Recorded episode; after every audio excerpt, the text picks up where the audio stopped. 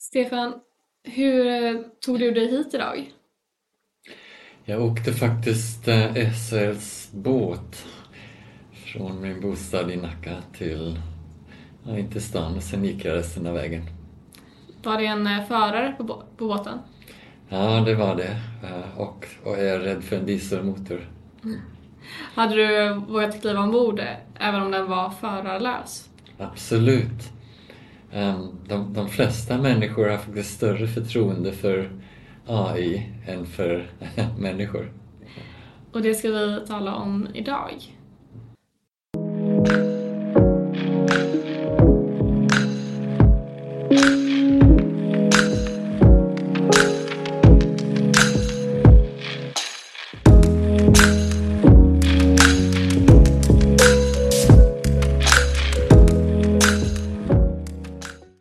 Välkommen till Saltmätargatan, Stefan Fulster.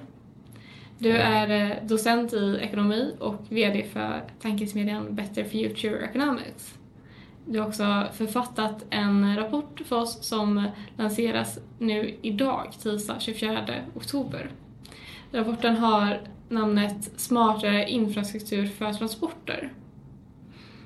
Och det, den ingår i ett större konkurrenskraftsprojekt här hos oss. Eh, men det är vad jag vill tro vår enda rapport i infrastrukturfrågan, även om konkurrenskraft är något vi jobbat mycket med. Hur kommer det sig att eh, du ville skriva om just eh, transportsektorn? Jag fick frågan, men jag har faktiskt um, forskat en del om, om transportsektorn. Min första vetenskapliga artikel handlar om transportsektorn och sen har jag eh, under de senaste eh, Sen var jag ordförande för ett centrum för transportstudier på KTH under tio år. Och på senare år har jag skrivit mycket om hur det offentliga kan förvalta sina tillgångar bättre där infrastruktur ingår. För infrastrukturen är en av statens tillgångar. Och kommuners och, och regioners lite grann. Mm. Men eh, det är inte, det är inte så stort privat ägande i, eh, i infrastrukturen. Det är- sällan man äger sin egna järnväg. Nej, för, men det finns. Det finns ju privata konsortier som Arlanda Express till exempel som, som blev ett eh, ganska lyckat arrangemang. Men du har rätt att det inte är så vanligt.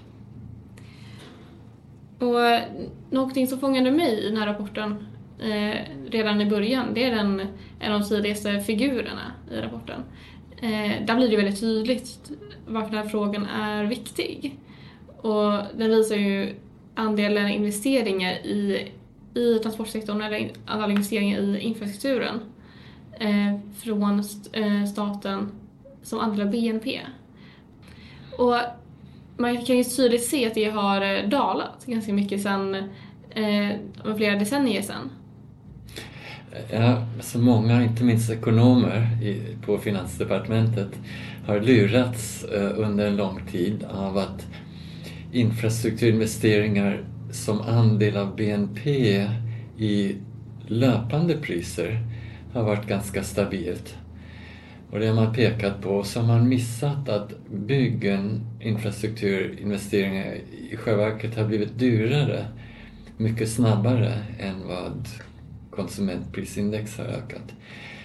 Mm, och, och det... Eh, och när man väl korrigerar för att byggen har blivit dyrare, det är då man ser att eh, som andel av BNP så, så, minns, så minskar infrastrukturinvesteringar, eller har gjort det under många år.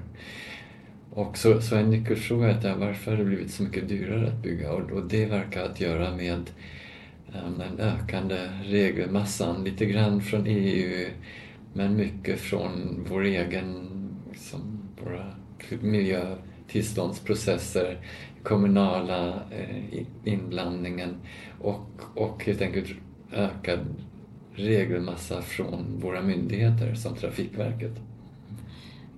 Handlar det om eh, investeringar i en ny infrastruktur, att vi inte bygger ut den i samma utsträckning, eller handlar det om att vi inte underhåller det som redan finns? Ja, både och. Så att det, eh, en, nyinvesteringar har definitivt blivit dyrare. Eh, sen har det som varit mest lönsamt att satsa på, nämligen bättre underhåll, också försummats. Och, och det kan också ha bidragit till att eh, eh, som säga, infrastruktur, att tågen blir försenade ofta, att många vägar där lastbilar åker har hål och lastbilarna går sönder snabbare och, och den sortens bristande underhåll. Och det som du nämner nu, där en, en bristfällig infrastruktur i, i dess kvalitet. Hur påverkar det eh, vår handel? Och i större drag kanske konkurrenskraften då? Mm. Så enligt en myndighet som heter Trafikanalys som har undersökt det så har ändå kvaliteten i vår infrastruktur försämrats. Det har gått mer åt fel håll än, än åt rätt håll. Och det gör ju att för alla företag som exporterar och importerar så blir det dyrare och krångligare och mindre pålitligt. Ehm, men det handlar inte bara om gods utan vi har många företag som behöver locka till sig människor. Till exempel många företag i norra Sverige nu som, som behöver anställda som ofta pendlar och det måste fungera. Men också från andra länder. Ehm, och så, så när resandet blir svårare, då blir det svårare för Sverige att upprätthålla sin konkurrenskraft. Gäller det alla trafikslag eller något särskilt trafikslag som vi man handlar mer med? Eller genom? Mm. Ja, det, det, han, det, det, gäller nog de flesta trafikslagen. Alltså det, det man kan säga är undantaget i Sverige är att kollektivtrafiken faktiskt har byggts ut rätt mycket. Men, men otydligt nog så har inte antal passagerare ökat lika mycket. Och tvärtom, även fallit bort efter pandemin. Och det är därför regioner nu, eh, det är ett skäl till att regioner går med ett stort underskott nu. Men, men i övrigt så, så är det ju eh, längre väntetider och fler inställda tåg på de långväga tågen och oftare köer på, på vägarna också. Och det gör ju att man inte kan transportera gods i samma utsträckning, vilket kanske är det tydligaste när det kommer till handeln. Men jag tänker på handel i annan eh, slag också, eh, som kanske är mer persontransportberoende. Eh, hur påverkar det vår konkurrenskraft där? Jag tänker med som kompetensförsörjning och annat som också behöver tillgodoses. Spelar transportsektorn in där också? Eh, ja, i allra högsta grad eftersom Sverige nu har så många anställda som, som uh, inte bor där de får sina jobb, till exempel många i norra Sverige, utan måste pendla. Och också ganska många som kommer från andra länder uh, som Sverige behöver uh, och som pendlar fram och tillbaka eller kanske bor här men då och då måste kunna besöka sina familjer i andra länder. Och, och blir det svårare att ta sig till Sverige då är det svårare för svenska företag att anställa den kompetensen. Det finns ju samtidigt eh, en annan del av transportsektorn eh, som går, går väldigt bra. Så, så vad det ser ut som i alla fall. Eh, det är ju väldigt mycket tech i transportsektorn. Det finns väldigt mycket coola företag eh, som, ja, men, som jag tycker verkar jättehäftiga. Eh, mycket så företag med pingisbord på kontoren och eh, olika coola titlar på sina, eh, på sina anställda. Eh, är, är det här en tillgång? Alltså, eller är det svenska bolag eller är det an, eh, som utländska bolag? Är, är det här någonting vi är bra på? Tänker de utvecklingen i transportlagen? Nej, alltså allmänt är Sverige bra på, på tech och digitalisering. Mm, och man kan säga att även inom transportsektorn um, har vi ju som jättebra företag uh, som är innovativa i, i det de kan åstadkomma inom sitt företag. Uh, har vi som helt nydanande företag som Einride som har självkörande lastbilar.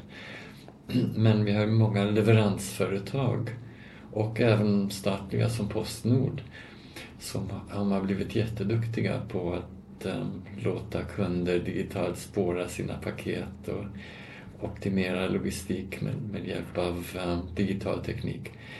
Så problemet kom, uppstår för svensk del när ens innovationer inte kan liksom tas fram inom ett företag utan man är beroende av myndigheter och, och gemensamma investeringar eller offentliga investeringar. Mm, det är då som innovationstakten inte är tillräckligt hög. Eh, det har skett en hel del krångliga och felaktiga upphandlingar. Eh, till exempel att Köpenhamn haft en självkörande tunnelbana i över 20 år.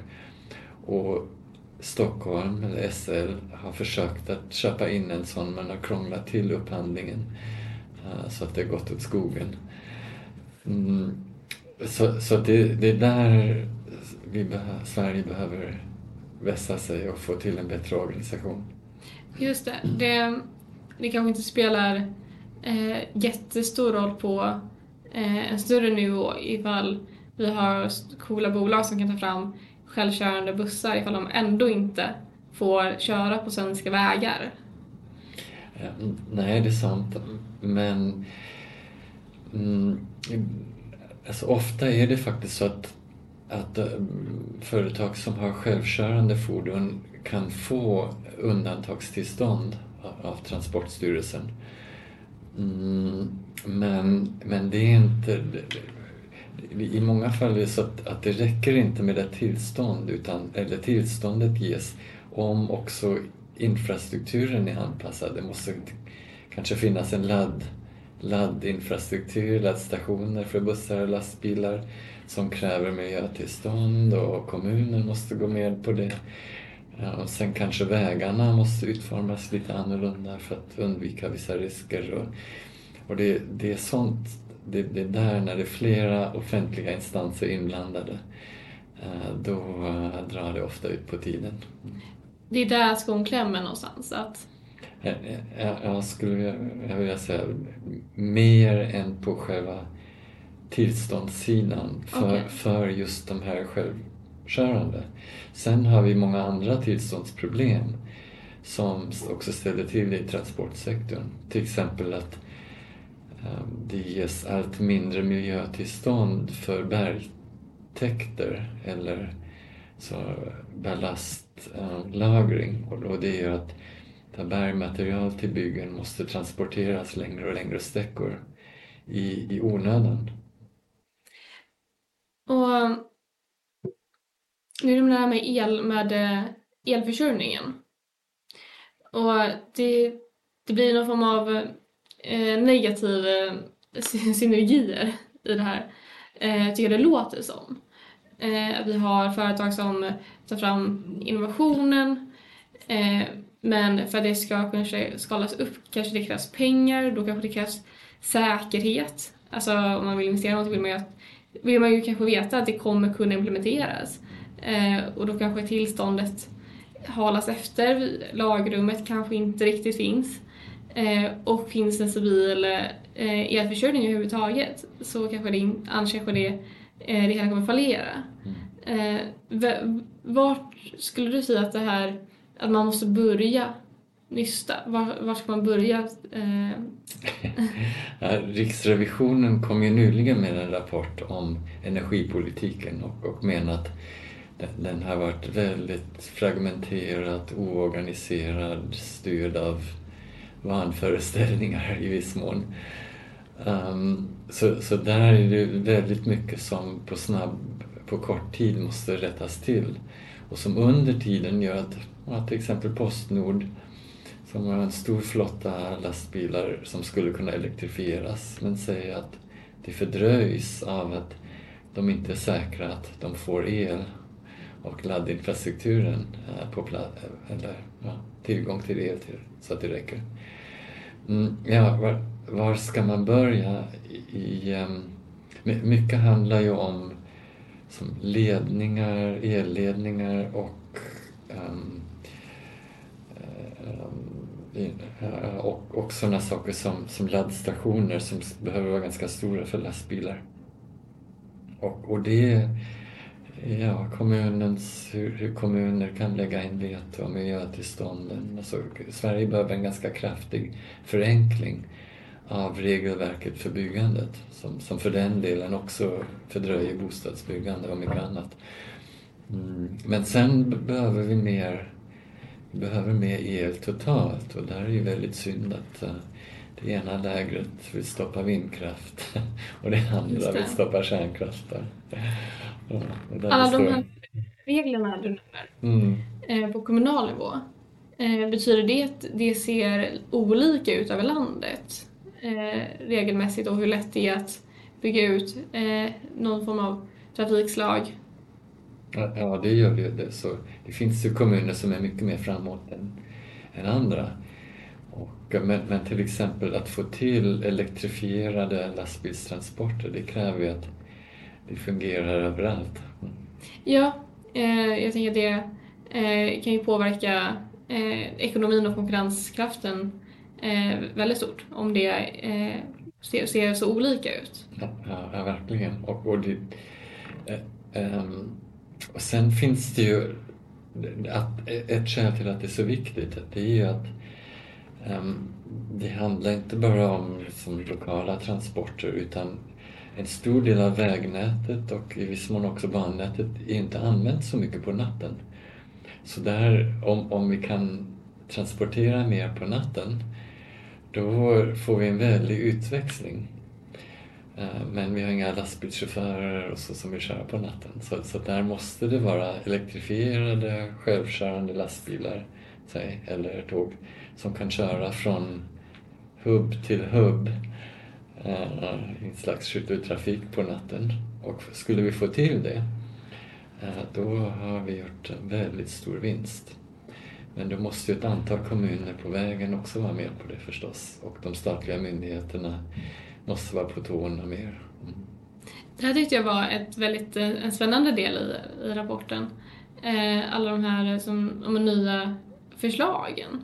Det känns, ju, det känns ju så, men på något sätt banalt, att men det är väl bara att köra lastbilen på natten istället. Mm. Eh, så har man som ännu fler eh, avgångar och kan eh, större flöden. Men det är ju sån här, de här enkla sakerna som faktiskt inte är lösta i, inom transporterna. Det känns som att transporterna på många sätt ligger långt bak i tiden i, i dagsläget. Ja, alltså bara för att behålla perspektivet skulle jag inte vilja säga att det är liksom sämre än i snitt för andra länder. Men, men det vi ändå har hittat är att det finns förebilder i, runt om i världen eh, som vi kallar för best practice eh, som Sverige skulle kunna använda sig av och skulle behöva använda sig av eftersom vi också har väldigt höga ambitioner för klimatvänlighet och bättre transporter, bättre konkurrenskraft och, och så vidare. Vill du berätta lite om eh, förebilderna i, i världen? Vem ska vi ta rygg på? Ja, till exempel, till exempel det som vi nyss var inne på. Eh, självkörande lastbilar på, på natten. Det finns nu ett 20-tal olika företag och företag i offentliga samarbeten i USA som, som har börjat med detta med varierande grad av att vara självkörande eller automatisering. Och även ett svenskt företag, Einride, är väldigt aktiv där. Mm. Så, så det är en viktig förebild. Men sen eh, handlar en del för, förebilder om hur man styr transportpolitiken. Vi har hittat i Nederländerna en fantastisk eh, transportstrategi där man säger att till 2030 då ska transporterna ha blivit exakt så så mycket bättre och så så mycket mer och så så mycket mindre byråkrati. alla godstransportörer ska bara behöva tillstånd från en enda myndighet och så vidare. Eller så har vi hittat en förebild i Australien som har, som har skapat en, en som, som en del av Trafikverket fast lite med respektavstånd från dagspolitiken som lite friare kan ta fram och räkna på prioriteringslista för investeringar i infrastrukturen och komma med förslag. Sen kan regeringen avvika men måste mycket tydligare och transparent motivera varför man gör det. Um, Medan i Sverige har det ofta varit investeringar i sånt som, som varit politiskt på dagsordningen men, men inte varit um, de bästa investeringar eller de mest lönsamma. Ja, så, så det är ett axplock av, av uh, det finns lite för, förebilder i världen på olika delar. Man skulle mm, kunna mm. eh, sätta ihop till en kanske mer konkurrenskraftig eh, en transportsektor. Ja, det finns det verkligen. Och, och tillsammans, om, om Sverige tog ett stort grepp och gjorde många av de här sakerna, då skulle nog det räcka för, för att vi skulle kunna uppnå våra ambitioner. Behöver vi ändra lagen på något sätt? Ja, när det gäller lagstiftningsändringar då, då tror jag till exempel när um, lite mer oberoende infrastrukturmyndigheten eh, kräver nog en lagändring.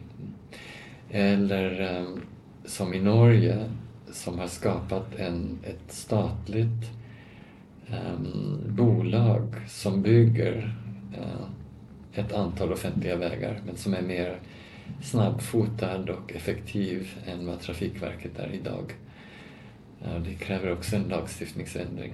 Eller um, allmänt att förenkla tillståndsprocesserna eh, kräver definitivt lagändringar.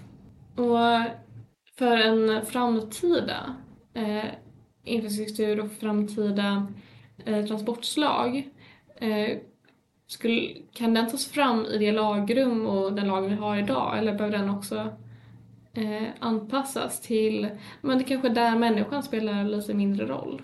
Jag tänker på... Ja, ja alltså det, det behövs en, en lagstiftning för självkörande bilar till exempel. Men, eh, och, och är på gång. Men under tiden så, så är det fullt möjligt för Transportstyrelsen att ge undantagstillstånd som man också har gjort. Så, så jag tror att just i det avseendet är inte lagstiftningsprocessen det allra största hindret. Och om vi ska exportera någonting på ett eh, snabbt och smidigt sätt på kanske en, genom en eldriven lastbil som eh, kör en raksträcka utan förare eh, och kanske lastas om i, vid en gränsövergång eller kanske till och med på, över en gräns inom EU. Då behöver andra länders eh, tillåtelse och lagrum också anpassas för det här. Vad, vad ligger på Sverige och vad ligger på EU?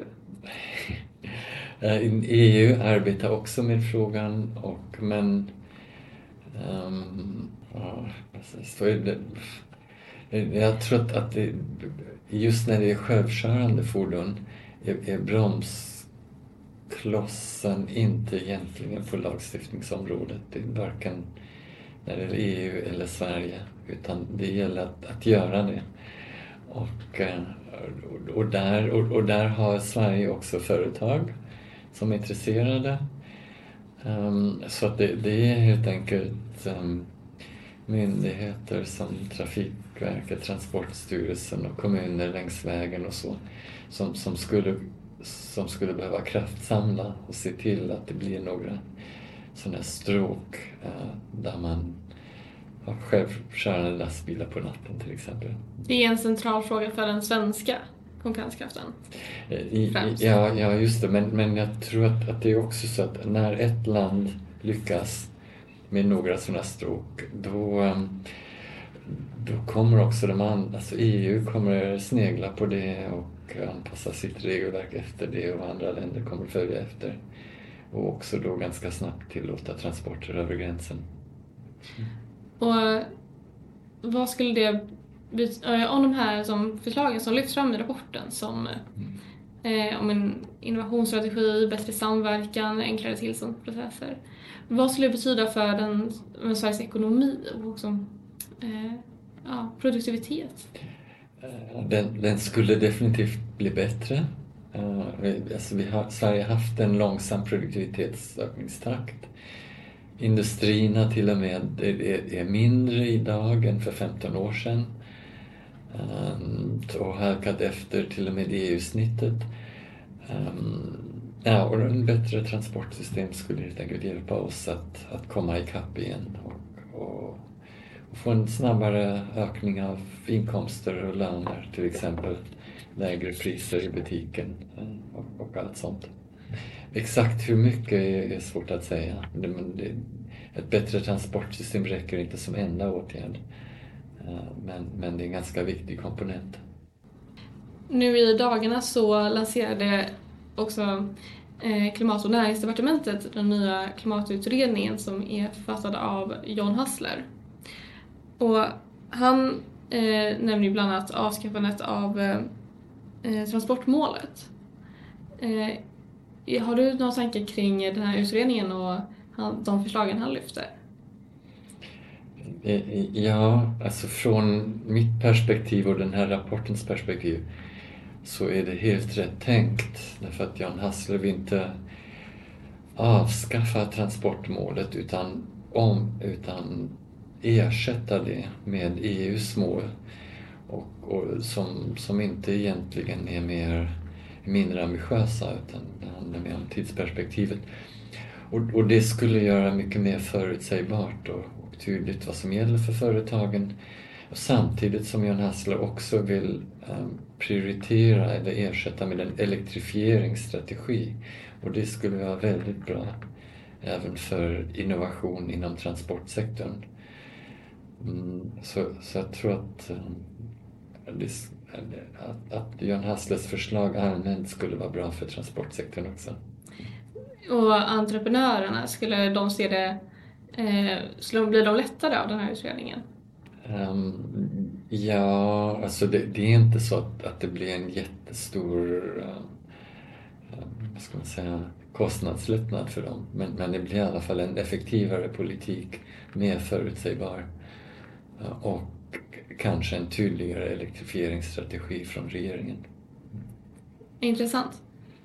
Eh, jag måste säga att jag tycker, eh, som jag, jag själv varit en, del av eh, rapportens eh, underlagsarbetet och jag var lite häpen eh, först när jag fick det eh, på bordet men blev väldigt intresserad när jag satte mig in i det och det är en, en väldigt intressant del av ekonomin det här.